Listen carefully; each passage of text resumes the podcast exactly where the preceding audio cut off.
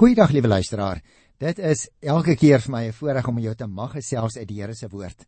En dit is so 'n belangrike saak waarmee ons besig is, nê, nee, want die gesag van die Here se woord word so betwyfel in die tyd waarin jy en ek lewe. Ons begin eintlik vandag op 'n nuwe skof. So as daar mense is wat vir die eerste keer inskakel op ons program, wil ek vir julle sê baie baie hartlik welkom. Ek hoop julle sal op hierdie rondrit wat ons as dit ware onderneem op 'n bus in die toekoms saam met ons onderneem elke keer weer by die bushalte wees, saam met ons opklim en so klein entjie verder ry. Ons is besig om deur die Bybel te werk van Genesis tot Openbaring en vandag is ek by die begin van 1 Korintiërs. Nou dit is altyd die beste as 'n ou die Here se woord voor jou oophou. Sommige van die luisteraars is miskien siek in 'n bed of besig om in 'n motor te ry, dan verstaan 'n mens nou, jy kan nie met die een oog op die pad kyk en een oog in die Bybel volg nie. Maar vir sommige van ons is dit waarskynlik ook moontlik om by die huis te sit en 'n tafel te hê of 'n stoel en gerieflik daar rustig met die Here te verkeer met sy woord op jou skoot en die Heilige Gees wat in jou hart werk. Dan is dit altyd lekker om met mekaar saam te kuier op die manier, al is dit oor die radio. Nou liewe luisteraars, ek wil graag 'n paar inleidende opmerkings maak oor die eerste brief van Paulus aan die Here Jesus se gemeente in die groot stad Korinte daar in Griekeland destyds. As jy my sou vra nou, hoekom het hy hierdie brief geskryf? Wat is die doel daarvan? Dan sou ek wou sê om probleme in die gemeente van Korinte te identifiseer en die Christene daar raad te gee en ook om die gelowiges daarop te wys hoe om Christus en 'n mens se medemens lief te hê te midde van 'n baie bedorwe samelewing want ongelukkig was dit die situasie waarin daardie Christus gelowige mense hulle self bevind het in Griekeland En dikwels is jy en ek ook, selfs in ons land op hierdie stadium van die geskiedenis, soms tussen mense wat glad nie die Here Jesus ken of bely nie. Nou natuurlik is die geadresseerdes, die mense aan wie die brief gestuur is in die eerste plek die gemeente in Korinte. Maar wie dit is mos nou een van die wonderlike dinge van die Here se woord. Dit is altyd geskrywe, enige spesifieke gedeelte is altyd geskryf met die oog op 'n uh, wat ons sou kon noem 'n eerste gehoor. Maar daarin is daar ook natuurlik verdere trefpunte ander mense wat deur die loop van die eeue daardie brief gelees het en ook op hulle eie lewens daarin 'n baie sterk toepassing kon maak. En net so is dit met jou en met my.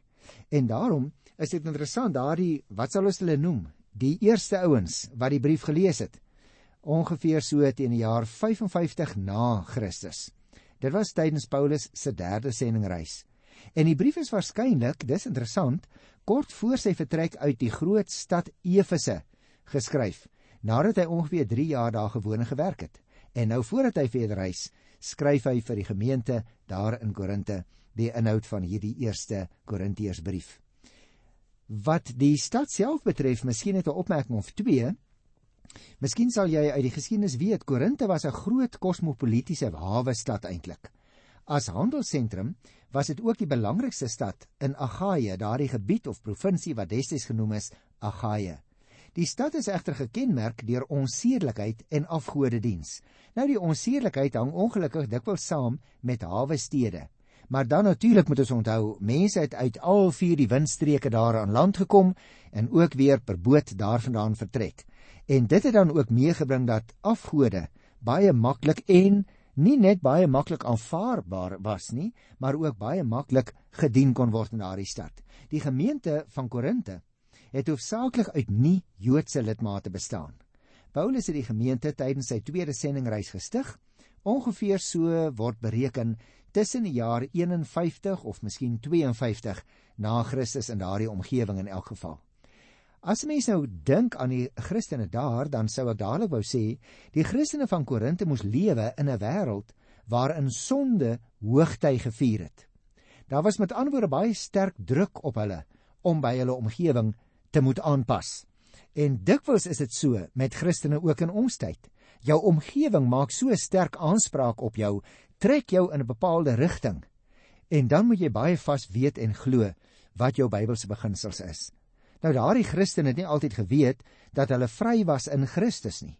Sommige het dit wel al geleer, hulle tot bekering gekom, maar sommige was ook nuwe bekeerlinge. Maar Hulle het nie geweet wat dit presies in die praktyk beteken nie, want hulle het groot geword in 'n omgewing waar die Christelike geloof op daardie stadium van tevore natuurlik nie bekend was nie. Wat moes hulle gesindheid byvoorbeeld wees teenoor afgode? Wat moes hulle gesindheid wees teenoor onsedelikheid? Wat moes hulle doen ten opsigte van die huwelik? Wat was die rol van die vrou in die kerk? Wat het die gawes van die Heilige Gees waarvan Paulus praat behels? Jy sien hierdie soort vrae, liewe luisteraars, het oor meer as teorieë net gegaan, want die kerk is ondermyn in daardie tyd deur die permissiwiteit en die geestelike onvolwassenheid van die Christelike gemeenskap. Hulle geloof is dus getoets deur 'n samelewing daar buitekant wat van binne verrot was en sommige gelowiges kon nie te midde van die druk altyd staande bly nie. En daarom is dit interessant dat uh, Paulus ook praat oor baie probleme. Hy probeer die antwoorde gee. So behalwe die inleiding gaan ek vandag met jou so 'n bietjie daaroor begin gesels nou-nou oor die kerk se probleme. Jy moet dus oplet as jy die brief sou lees op jou eie. Paulus praat in hierdie brief reguit met die Korintiërs oor hulle dwaling en ook oor bepaalde tekortkominge wat daar by hulle as gemeente in Korinte bestaan het. 1 Korintiërs vermaan alle Christene om die waarheid te sê, om nie een te word met die sondige wêreld nie en om ook nie die waardes en die lewenswyse van die sondige wêreld aan te neem nie. Die Here Jesus Christus moet in alles vir jou en vir my luisteraar as Christene die middelpunt wees van ons lewe. En ons moet in die praktyk elke dag onbesproke lewe hoor. Mens slaag nie altyd daarin nie en juist daarom is dit so wonderlik dat die Heilige Gees in ons woon en ons help. Ons moet ware liefde openbaar en daardeur 'n verskil aan ons omgewing maak, so soutpotjies in die wêreld soos die Here Jesus gesê het. En daarom moet 'n mens ook hierdie eerste Korintiërs boek lees. Jy moet dit ondersoek maar jy moet dit ook op jou eie lewe van toepassing maak. Jy moet kyk na die waardes en dan moet jy ook weer 'n slag kyk of jy en ek werklik toegewy aan die Here Jesus lewe. 'n Mens sou as jy praat oor die indeling van die boek vier verskillende afdelings kon aandui. Die inleiding en daarna, ek gaan daaroor ook al vandag reeds 'n paar woorde sê, waar Paulus praat oor die kerk se probleme. Derdens, die groot afdeling wat handel oor Paulus wat sekere vrae uit die gemeente direk antwoord en dan 'n kort gedeelte naamlik die slot. Nou miskien is dit genoeg ten opsigte van die inleiding, die liewe luisteraars. En daarom gaan ek dadelik begin uh om vir jou net ook nog daarop te wys dat Paulus in hierdie brief tydens sy derde sendingreis van Efese af geskryf het. Ek het dit net nou ook gesê. So as 'n mens nou kyk na die eerste 3 verse dan handel dit oor sy groet. Dit vorm met ander woorde die hele inleiding van vers 1 tot 9. So ek gaan eers oor sy groet praat wat 'n mens in die eerste 3 versies skryf, maar ek wil dit so stukkie vir stukkie afbyt. So kom ons lees eers net die eerste versie.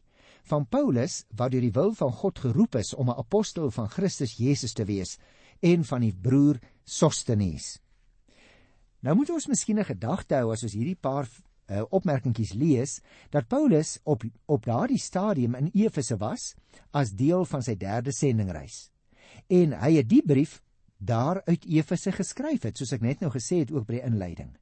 Korinte en Efese moet ons onthou, was as dit ware teenoor mekaar, want albei was geleë aan die Egeïese See net aan weerskante daarvan. Paulus het die gemeente van Korinte eintlik baie goed geken, want hy het tydens sy tweede sendingreis 18 maande lank daar gewerk gaan kyk maar na Handelinge 18 en sal jy dit sien. En hy het in Efese waar hy op hierdie oomblik was, berig gekry van probleme in die gemeente daar in Korinte. Wat juis deur die afvaardiging Fortunatus, Agaikus en Stefanus aan hom oorgedra is. Nou onderliggend aan die probleme luisteraars was spesifiek verdeeldheid in die gemeente en hulle het raad en hulp in die verband kom soek by die apostel. Daarom het Paulus vir hulle geskrywe. Hy wou leiding gee ten opsigte van die verdeeldheid en natuurlik terselfdertyd ook antwoorde verstrek op vrae wat die lidmate in 'n vorige brief wat vermeld word waarby ek nog gaan kom aan hom gestel het. Nou as 'n mens baie mooi na die eerste versie kyk, dan blyk daaruit ook nog ander feite. Byvoorbeeld, die Here Jesus het Paulus afgesonder om die boodskap van Jesus Christus te verkondig, sê hy. Soms word Paulus die 13de apostel genoem, omdat hy homself beskryf as 'n gestuurde van die Here Jesus Christus. Natuurlik luisteraar, net so is elke Christusgelowige 'n getuie en 'n gestuurde wat die boodskap van verlossing moet gaan vertel en dit moet gaan leef elke dag. Mag ek jou in nederigheid vra, is dit met jou so? Ek dink ook belangrik uit vers 1 is hierdie man Sostenes. Nou Sostenes was moontlik Paulus se sekretaris. Ons is nie doodseker nie. Dit is dus moontlik dat uh, Paulus hierdie brief aan hom gedikteer het en dat hy dit neergeskryf het. Hy was waarskynlik vroeër die hoof van die Joodse sinagoge in Korinte gaan kyk maar in Handelinge 18:17. Hy is byvoorbeeld ook geslaan toe Paulus deur die woedende skare aangeval is en hy het 'n gelowige geword. Die gelowiges van Korinte het hom dus waarskynlik baie goed geken en daarom het Paulus ook sy naam aan die begin van die brief genoem. Dit was die gewoonte in daardie tyd, weet jy nou al, dat 'n mens jou naam noem by die aanvang van jou brief. Ek wil ook daarop wys ooreenkomstig die Griekse briefstyl plaas Paulus as skrywer sy naam heel voorop en daarna volg eers die name van die geadresseerdes. In sy selfbekenstelling moet jy oplet, beklemtoon die apostel dat hy met gesag praat. Hoekom? Op grond van sy roeping. Volgens, so sê hy, volgens die wil van God. En dat hy deur Christus met 'n opdrag gestuur is. Daarom noem hy homself apostel, né, want apostel beteken in die Griekse taal gestuurde. En van hierdie Sostenes behalwe dat hy moontlik die brief neergeskryf het, was hy ook op 'n stadium waarskynlik die hoof van die sinagoge in Korinte. Maar nou, en dis belangrik, saam met die apostel 'n gelowige. Luister na vers 2. Aan die gemeente van God in Korinte, wat hy vir hom in Christus Jesus afgesonder het en geroep het om aan hom te behoort. En verder aan almal waar hulle ook al mag wees wat die naam aanroep van Jesus Christus hulle Here en ons Here. Jy sien, hy maak dus die skopus van sy geadresseer is baie wyer, want hy praat ook verder met almal en natuurlik sluit dit vir jou en vir my ook in. Maar goed, kom ons gesels oor hierdie tweede vers want ons kry 'n klomp inligting hier. Korinte moet ons onthou was eintlik 'n kulturele smeltkroes. Want dit was op alle terreine en vlakke 'n stad van verskeidenheid en kontraste. Ten opsigte van inkomste, godsdienste, intellektuele bedrywighede en seerlike norme. Die stad het daarop geroem dat hy onafhanklik was en daarom ook bekend was vanweë die korrupsie en die onseerlikheid wat haar hoogtyd gevier het. Die Romeine het die stad in die jaar 146 voor Christus op 'n stadium verwoes na 'n opstand. Maar Julius Caesar het dit in die jaar 44 voor Christus herbou omdat die hawe van strategiese belang was vir die Romeinse ryk. In Paulus se tyd, ek het nou vir jou al van tevore gesê, dit is so rondom die jaar 50 na Christus, was Korinte die hoofstad van daardie provinsie Agaia. Vandag ken ons daardie hele gebied as Griekeland. Dit was dus met ander woorde 'n groot stad. En Rome het baie wins gemaak uit die handel en die feit dat die hawe deur die leer beskerm moes word. Die stad se voorspoed het egter ook tot korrupsie op alle vlakke gelei. Heidense godsdienste het baie aftrek gekry Daar was meer as 'n dosyn afgodstempels waarin meer as 'n 1000 prostituie gewerk het. Dit het selfs gebruik geword in daardie tyd om in ander stede na prostituie te verwys as die meisies van Korinte. So jy sien dit was 'n stad met geen onbefaamde reputasie nie hoor. In die jaar 521 na Christus, dis net interessant, is Korinte finaal vernietig deur 'n aardbewing. Paulus let jy dus op in die tweede vers rig sy brief soos ek dit uitgelig het ook aan ander Christene waar hulle ook mag wees. Nou liewe luisteraars, ek wou nie daarby vinnig verbygaan nie want ons moet onthou, dit is 'n aanduiding dat hierdie brief nie uitsluitlik aan die Korintiërs gerig was nie. Al bespreek Paulus in die brief probleme wat in die gemeente van Korinte voorgekom het, is die dinge wat hy sê vir alle gelowiges baie leersaam.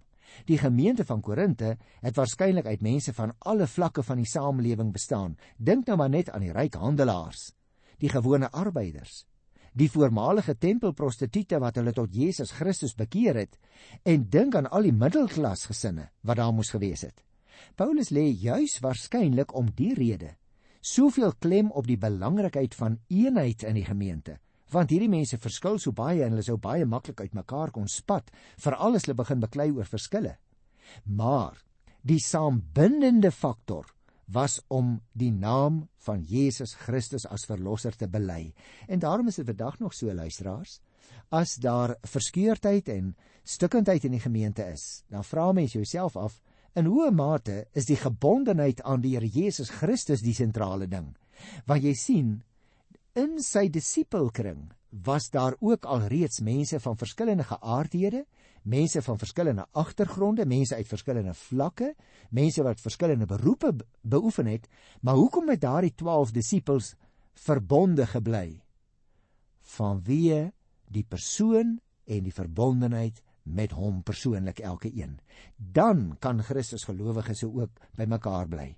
En daarom is dit belangrik dat die apostel in die tweede vers sê dat die geadresseerdes is die gemeente wat deur God in Korinte vergader is en wat hy vir hom afgesonder het. Daarom staan daar is hulle geroep om te leef as mense wat aan God behoort. Let op daai sterk woordjie elke keer. Hulle vorm dus 'n een eenheid met al die gelowiges en onderskei hulle van die wêreld deurdat hulle Jesus Christus en nie die Romeinse keiser nie as hulle Here aanroep. So staan dit daar.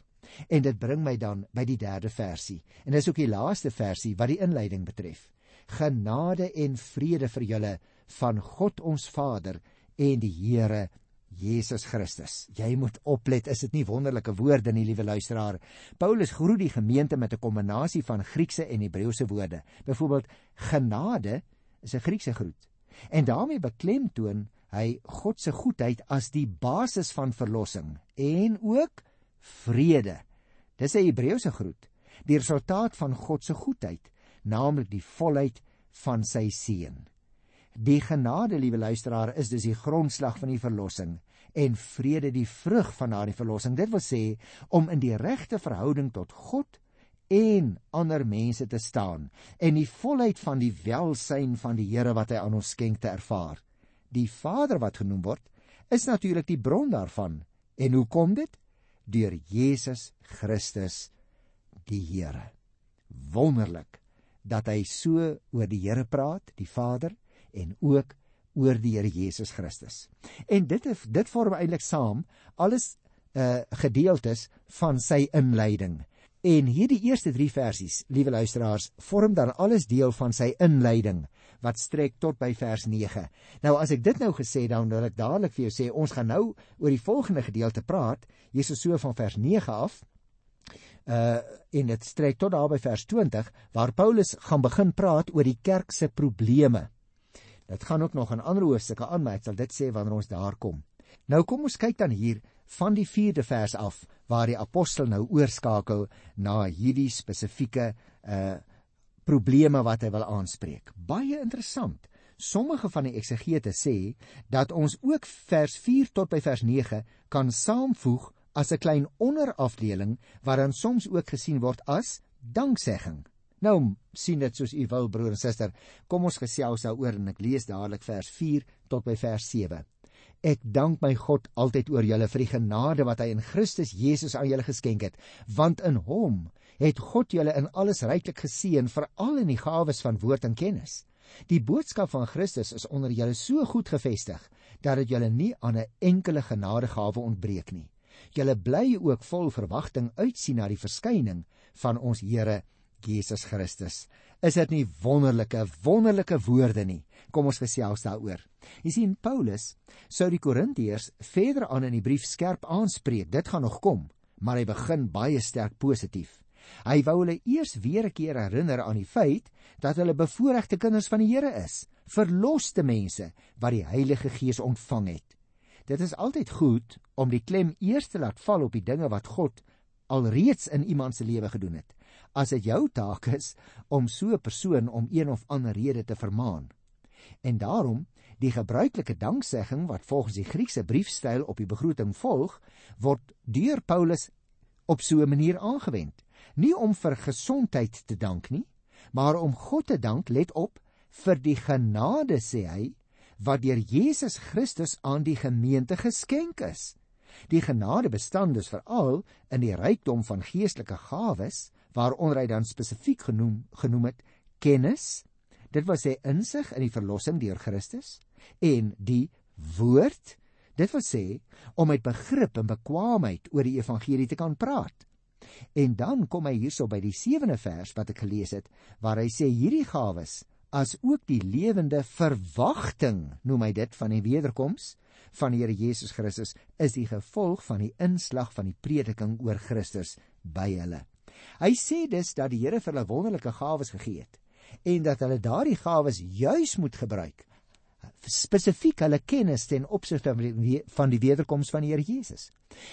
Die Korintiese gemeente, liewe luisteraar, het al die gawes, sê Paulus, van die Gees wat nodig is om betekenisvol te lewe elke dag. Dit het hulle klaar ontvang en daardeur juis is hulle in staat gestel om stelling in te neem teenoor die heidense gebruike van onsedelikheid. Hulle moet dit net aanwend. En dis vir jou en vir my net so belangrik, né? Die Here gee vir ons gawes in die gemeente, maar wend ons dit regtig elke ene aan? Nou kom hy by vers 8 en 9. Dit is hy wat julle ook end uit sal laat vas staan, sodat daar geen aanklag teen julle sal wees op die dag dat ons Here Jesus Christus kom nie. God is getrou. Hy wat julle geroep het om verenig te lewe met sy seun Christus Jesus ons Here. Is dit nie wonderlike woorde nie, liewe luisteraar?